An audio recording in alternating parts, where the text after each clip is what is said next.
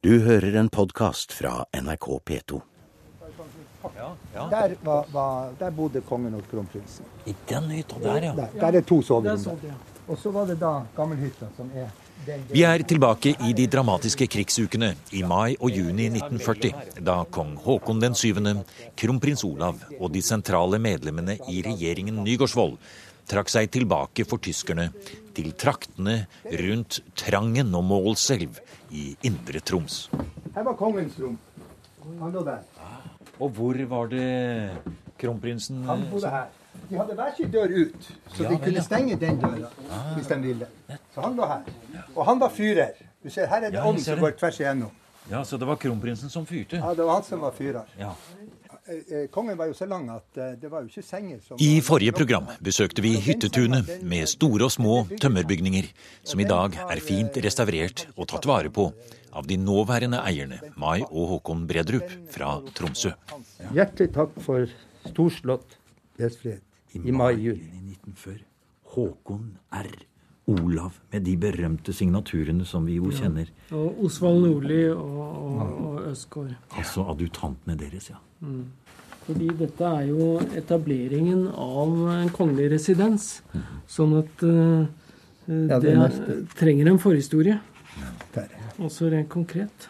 I Æresordet, bind fem av Tor Boman Larsens kongebiografi, forteller han detaljert om tiden fra 2. mai til 7. juni 1940, da hytta her på Trangen var residens og hovedkvarter for kong Haakon, kronprins Olav og deres adjutanter.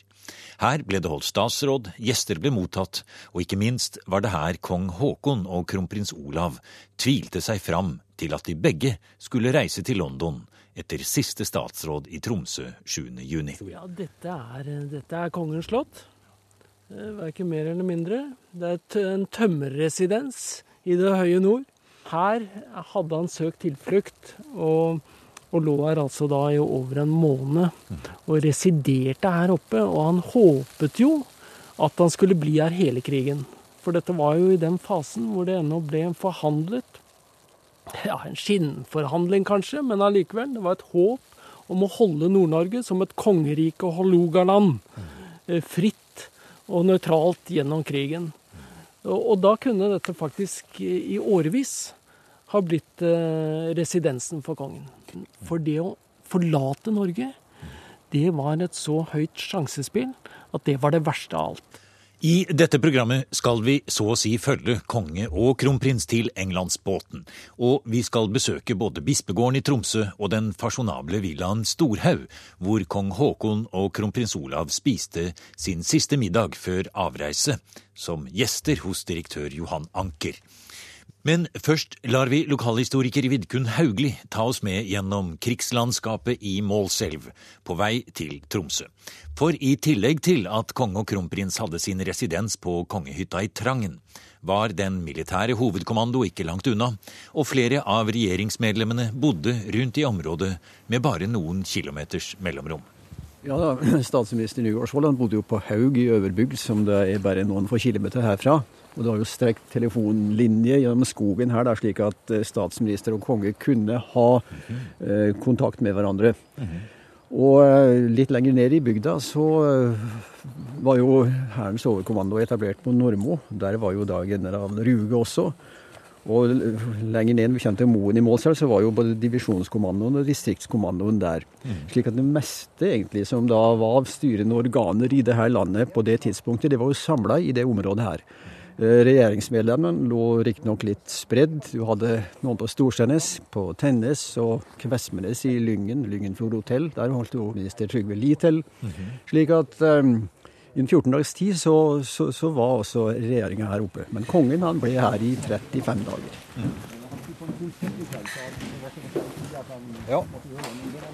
En snau mil fra kongehytta på Trangen stanser vi i Øverbygd og finner fram til et toetasjes trehus på en nedlagt liten gård, ikke så langt fra hovedveien til militærleiren på Skjold. Dette var stedet statsminister Johan Nygaardsvold ble innkvartert i mai 1940. Den som tok imot og sto for forpleiningen i disse krigsdagene, var Astrid Haug, som lokalhistoriker Vidkun Haugli intervjuet i 1985. Haugli setter en kassettspiller på bordet i kjøkkenet, som er akkurat det samme som den gangen gubben selv satte seg sliten ned og fikk en kopp kaffe. Å ja. Det var sjølveste regjeringa som kom hit da. Da fikk vi oppringning 3. mai. Jeg husker godt det var om kvelden de ringte opp. Så vi hadde ikke så lang tid å gjøre på da. Klokka ni om kvelden skulle de komme, og da måtte vi ha ja, rom ferdig og senger ferdig til så og så mange personer. Og, og de skulle jo ha full kost, da. Så kom de og stappa den oppover jordet. Det var jo så mye snø den våren at det var, ikke plogvei innover her. Og så måtte en i gangen og ta imot dem, da, vet du, de karene. De gikk jo med dekksnavn. Det var Gubben, og det var Papsen, og jeg vet ikke hva de het alle. Og Nygårdsvold, han helste nå, så sier han det her er Nygårdsvold, sa han, men jeg, jeg heter Gubben, sa han. Ja, det er greit, det, sa jeg. Og de kom inn og fikk seg noe nattmat. da. Jeg hadde jo ferdig mat. Når vi ser oss omkring i det litt avsidesliggende huset på Haug her i Indre Troms, er det nesten uvirkelig å tenke på at statsminister Nygaardsvold lå her innesnødd og isolert i 14 dager mens krigen raste og framtiden var mildt sagt usikker. Nei, det, nå, nå er det militærmakten som teller i verden, og, og de var eh, plassert på jordet. Altså, de var på jordet. Og det, det må ha vært veldig rart. Og de levde her jo nærmest i et vakuum, hvor de hadde gått på norgeshistoriens største politiske nederlag, som eh, vi kaller 9. april. Og så flyktet opp gjennom landet med bombeflyene etter seg, og så ende her. Ikke noe galt i dette stedet, tvert imot. Det er naturskjønt og, og, og, og sikkert trivelig, men, men ikke når du er, egentlig skulle ha, ha makten i din hule hånd. Da er ikke dette stedet å sitte. Det er kongebiograf Tor Boman Larsen og lokalhistoriker Vidkun Haugli som tar oss med nedover Målselvdalen på vår vei til Tromsø. Tiden er mai og juni 1940, og i dette krigslandskapet ligger det historiske adresser på rekke og rad. Vi gjør en liten stopp ved den idylliske trekirken i Øverbygd. Vi må holde en gudstjeneste her, og det ble gjort da den søndag den 16. juni i 1940. Og da satt da eh, har nær sagt sivilbefolkninga på den ene sida i kirka, og generalstaben og de folkene der på den andre sida. Og general Ruge han, han ser jo da i sine skrifter at det er den fineste gudstjeneste han eh, noen gang hadde opplevd. Og fra trappa her så hilste han da til folk i Øverbygd fra kong Haakon. Eh, Og framsa da en takk fra kongen, fordi at de hadde så godt vare på han da han var her oppe, og ikke røpa at han var her i det hele tatt. Men når da Ruge står her på trappa den 16. juni, og det hele er på en måte over i 1940 eh, Kongen og kronprinsen har reist, og det er undertegnet papirer, og stridighetene har opphørt. Det må ha vært litt av et antiklimaks på en måte? Det er klart det var et antiklimaks. Og general Ruge han ser jo det også at da han forlot eller Nordmo der og, og skjønte at nå, nå, nå har vi kapitulert, altså. Så står han og ser ut på et eldre ektepar som går over gården, og en stor, svart newfoundlender går i hælene på ham. Og så tenker han liksom at det, han har følelsen av at det her er altså den siste del av det frie Norge som oppgis. Og det blir en helt egen stemning, liksom. Men for Ruge var dette også en triumf, fordi Ruge slapp jo å reise til England. Eh, Det ble general Fleischer som måtte reise, og det var jo en dragkamp som gikk inn så å si de siste timer. Så Ruge ble igjen hos troppene og var den som da på en måte skulle Og hadde blitt utnevnt som øverstkommanderende. Ja, det var han jo, det var ikke så mye verdt lenger, men, eh, men eh, for alt lå jo i grus. Men han, han fikk ikke den anklagen om å ha, ha etterlatt sine tropper og reist ut av landet, og det var for ham en æressak. Og dette var jo noe av kjernen også for eh, kongehuset i de dagene. Så han var nok lettet på én måte, Ruge, når han sto igjen her og, og senere gikk da i tysk fangenskap. Fra et sted i Nord-Norge vil nå utenriksminister dr. Halvdan Koht gi en viktig melding. Jeg har et budskap til alle nordmenn ifra konge og regjering. Dette er den alvorlige stemmen til utenriksminister Halvdan Koht, som like etter det siste statsråd i bispegården i Tromsø den 7. juni klokken 16.00 talte til det norske folk over Tromsø kringkaster. Nå var det over. Regjering, konge og kronprins skulle forlate landet. Den britiske krysseren HMS Devonshire lå på reden i Tromsø havn og tok om bord sine prominente passasjerer, med avreise satt til klokken 20 samme kveld. Kampen skulle fortsette fra utlandet, sa Koht. Kongen og regjeringen har i dette øyeblikk sett seg nødt til å flytte sitt sete og sitt virke utenfor landets grenser. Men de oppgir ikke dermed kampen for å gjenvinne Norges selvstendighet. Tvert imot, de vil holde fram med den utenfor landets grenser. Koht taler i seks minutter og begrunner regjeringens beslutning med rådet fra Forsvarets overkommando om at både konge og kronprins bør forlate landet sammen med regjeringen. Dette oppropet er underskrevet av kong Haakon og statsminister Johan Nygaardsvold. Ja, får du lov til å komme inn litt da? Ja, vær så god. Ja, takk for det. Så selve statsrådsværelset er videre inn der, ja. Så da har du salongen foran. Salongen med store skyvedører, ser vi. Og med statsrådsbordet intakt. Her har vi kommet inn i bispegården i Tromsø. I dag stedet der den administrative staben til Nord-Hålogaland bispedømme holder til.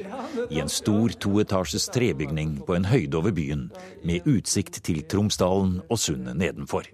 Men i 1940 var det i dette historiske rommet, som i dag er bispedømmerådets møterom, at alle tråder ble samlet den 7. juni. Her har de lagt sine planer. Du vet, Det var ikke bare regjeringen, men f.eks. general Ruge var jo til stede her. Mm. Eh, og, og, stortingspresident Hambro, mm. som representerte Stortinget. Mm og da altså kongehuset og forskjellige pressgrupper som lå ute i, i, i havet der. Ja. Sånn at dette var virkelig maktens sentrum. Det er, det, er, det er, slott, det er regjeringsbygning, og det er storting. Mm. Og overkommando i ett, dette huset. Nå står du på Kongens plass. Ja. Mm. Eh, dette er som å være på Slottet, det. Ja. Det er én, to, tre, fire, fem altså det var nettopp i dette rommet, i statsrådssalen i bispegården i Tromsø, at det ble endelig bestemt at både kong Haakon og kronprins Olav skulle bli med til London. I boken Æresordet, bind fem av kongebiografien, skildrer Tor Boman Larsen hvordan dette standpunktet langsomt ble til, gjennom tvil og ytre press, og ikke minst hvordan kronprins Olav lenge mente at han burde bli igjen i Norge. Og selv for kong Haakon var det en vanskelig avgjørelse, sier Tor Boman Larsen. Ikke minst siden de allierte hadde trukket sine styrker ut av Norge. Sånn at kongen som alltid har sett England, og, og, og, dronning Mauds imperium Selv han eh, begynner å, å, å, rystes og, og føle eh, dette forferdelig utrygt. Eh, nå er jo britene også representert her oppe. De har også sine pressmidler mot, uh, mot kongehuset. Men, men, han må ta denne avgjørelsen på et selvstendig grunnlag. Og han, det er klart at kronprins Olav har ikke den samme tilknytning til det britiske tenkesett og den britiske tradisjon som Haakon har. I hvert fall ikke politisk. Så også mellom far og sønn er det her nyanseforskjeller. Så når han endelig faller ned Og det siste statsrådsmøtet her i salen, det handler jo veldig mye om kronprinsen. Det er faktisk eh, han som jo knapt har noen plass i vår konstitusjon. Altså det er jo konge og regjering. Eh, kronprinsen er en underlagt brikke av kongen. Men det er kronprinsen som her føres inn i protokollene. Og det er hans standpunkt, hans tilbud, som det gjerne har hett i ettertid, om å bli landet og fortsette samarbeidet med administrasjonsrådet, som han tilbyr, som er gjenstand for debatt og behandling. Og her er regjeringens eh, råd klart. Kongen må ha kronprinsen med seg når han reiser. Og ikke minst, og det var ganske utslagsgivende. Kongen skjønner jo at han er en gammel mann. Og han skjønner at krigen kan bli langvarig. Man må ha en konge i statsråd, også i London. Eh, og vel er ministeriet Nygaardsvold fullstendig tappet for makt når de sitter her oppe. Uglesett av alle. Men kongen går for sin regjering. Regjeringen Nygaardsvold. Også fordi dette er noe av hans livsverk. Å skape harmoni og samarbeid med arbeiderbevegelsen. Dette er det han har bygget opp, og det kan han ikke gi slipp på. Slik at det er ikke bare eh, kontakten til England som er viktig for kong Haakon. Det er også linjen til hans regjering, og hans helt spesielle regjering, ministeriet Nygaardsvold, som, som uh, virker avgjørende. Men kronprinsen skulle jo legge et nytt fundament. Og skulle det fundamentet være å forlate Norge, eh, flykte ut bakdøren, eller skulle han bli på post?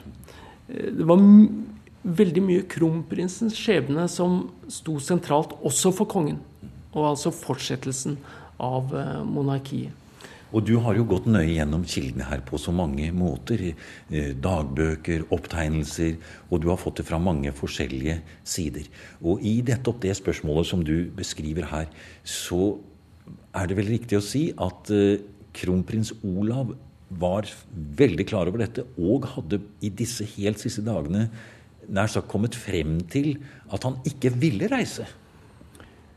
Ja, det er ingen nyhet at uh, kronprins Olav uh, var veldig reservert. Og for å si det forsiktig.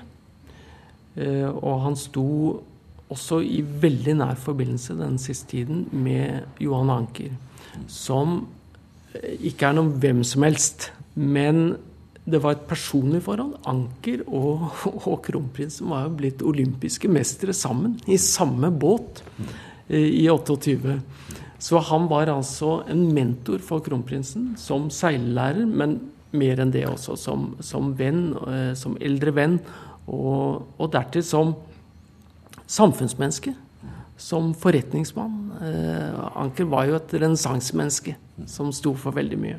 Og denne mannen kommer jo hit og tar inn en villa like her borte. Ja. Da som styreleder for Store Norske Spitsbergen eh, Kullkompani, for han har forretninger å ordne med her, pengeforhold osv.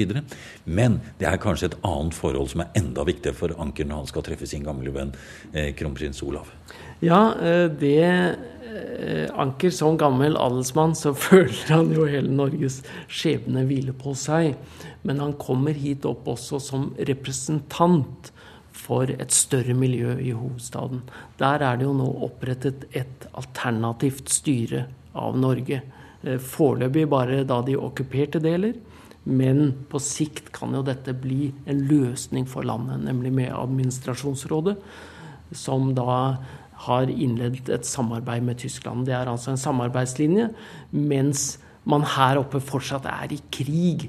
Og, og, og, sånn sett kommer Anker opp som en representant for det fredelige Norge. Og det er betegnende. Det holdes altså tre statsråd her. 3. Eh, juni, 6. juni og 7. juni. Og alle tre dagene så spiser kongen og kronprinsen i Ankers villa. Like her nede i ja, gata i Troms? Like ved siden av. Sånn at og Ankers budskap er jo helt tydelig, for det har jo du uh, sett i kildene, og som du har arbeidet med da. Uh, og hva er det Anker, for å sette det helt i klartekst, uh, ønsker å, å, nå frem til til Håkon den 7. og kronprins Olav? Jo, Johan Anker ønsker at kongehuset skal bli i Norge. Han har ingen respekt for ministeriet Nygaardsvold. De må gjerne reise.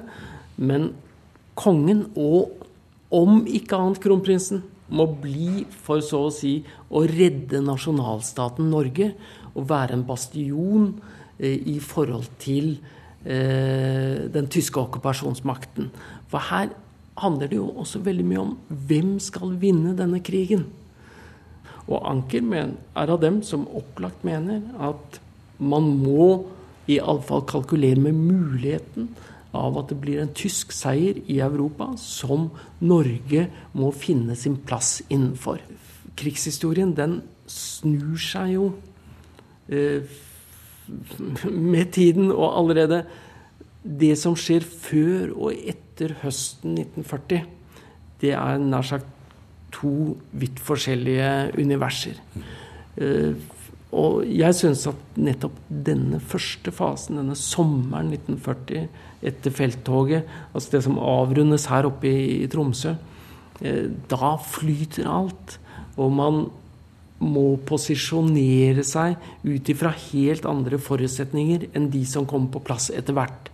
Og da er det også at mange aktører viser, eh, om ikke sitt sanne ansikt, så i det minste en annen side av seg selv. Og da står Nord-Norge, Tromsø, på mange måter i skarp kontrast til det som skjer i Oslo og Sør-Norge. Hvem skal vinne krigen, og hvordan skal Norge finne sin plass i den nye verden?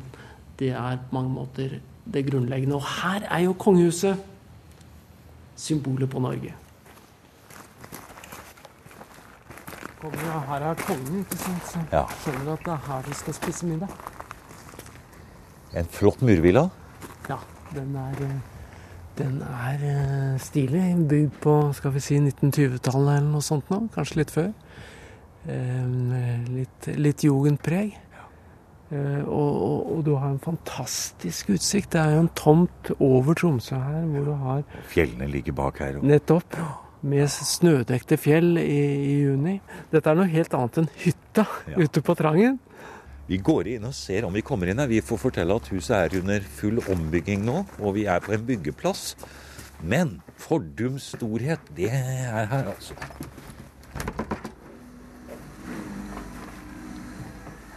Se, her er hallen. I luftlinje er det ikke så mange hundre metrene fra den ærverdige bispegården til den imponerende murvillaen Storhaug, som Johan Anker hadde leid under sitt opphold i Tromsø. Etter hvert av de tre statsrådene i bispegården hadde han invitert over kong Haakon og kronprins Olav til middag før de kongelige reiste innover til Trangen.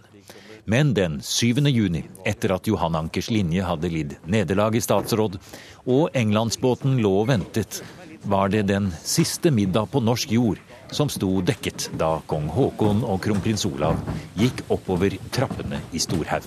Eh, Her eh, serverte da Johan Anker, eh, den gamle adelsmann, et måltid med kold laks, pepperrot og, og fruktkompott med to flasker champagne som han hadde fått tak i på byen i anledning dette, denne avskjedsmiddagen. Hvor selvsagt også kronprins Olav da var til stede, med, og, og deres to adjutanter. Eh, og det ble talt ved bordet. Da grep Anker anledning til å takke kongen for hans innsats i Norge. Og Anker var jo da sikker på at det var en avskjedstale til hele regentskapet. Og så ble det spist, og så var det en trykket stemning når kaffen ble servert. For da skulle man jo bare sitte her og vente på avreisen fra, fra havneområdet. Senere samme kvelden, bare et par timer senere. Ja, så det var eh, Det var eh, dryge timer de hadde å vente her oppe. Men eh, de kunne nyte utsikten og, og se Norge nærmest da fra vinduet for siste gang. Og innover der, vet du, Tor, når vi svinger rundt eh, neset der, så går det innover i Balsfjorden. Og inn i enden av Balsfjorden, der går jo veien opp til eh, Trangen. Og dit skulle ikke kong Haakon mer da. Eh, Nei. da var reisen slutt på en måte, kan man si. Ja, de hadde et håp da de reiste om at de kanskje skulle få beskjeden om at eh, demarkasjonslinjen var gått igjennom. At man altså skulle kunne etablere denne nøytrale sonen i nord. Den var fortsatt en teoretisk mulighet når det kom inn til Tromsø siste dag, men eh, de skjønte nå at det ble ikke noe av. Avgjørelsen om ikke å følge Johan Ankers råd hadde kronprins Olav tatt i kongehytta på Trangen kvelden før. Da hadde han bestemt seg for å bli med til London. Selve det øyeblikket da kronprinsen forteller kong Haakon om sin beslutning, beskriver Tor Boman Larsen på denne måten. Vi kan lese her av adjutantens dagbok. Han skriver i, uh, ja, i Tromsø var det slik og sånn. Og da vi var alene på hytta, og nå har de altså kommet tilbake, meget sent om kvelden, ved midnattstider, da vi var alene på hytta, etter litt nattmat, redegjorde kronprinsen. Og det er ganske viktig at det er kronprinsen nå som fører ordet. Altså han må bære dette standpunktet for de grunner som hadde beveget regjeringen til å bestemme seg for å reise til England i morgen. Både kongen og kronprinsen gråt. Der har vi Det er eh, På en måte så ser de nederlaget også i denne beslutningen. Nederlaget i den betydning at konge og kronprins skal forlate sitt land og sitt folk. Og det er en uhyre tung beslutning, selv om man da velger rett, og man velger rett side. Men de hadde ennå ingen fasit. Du har nå hørt en podkast av programmet Museum fra NRK P2. Send gjerne en e-post til museum.krøllalfa.nrk.no. nrk.no.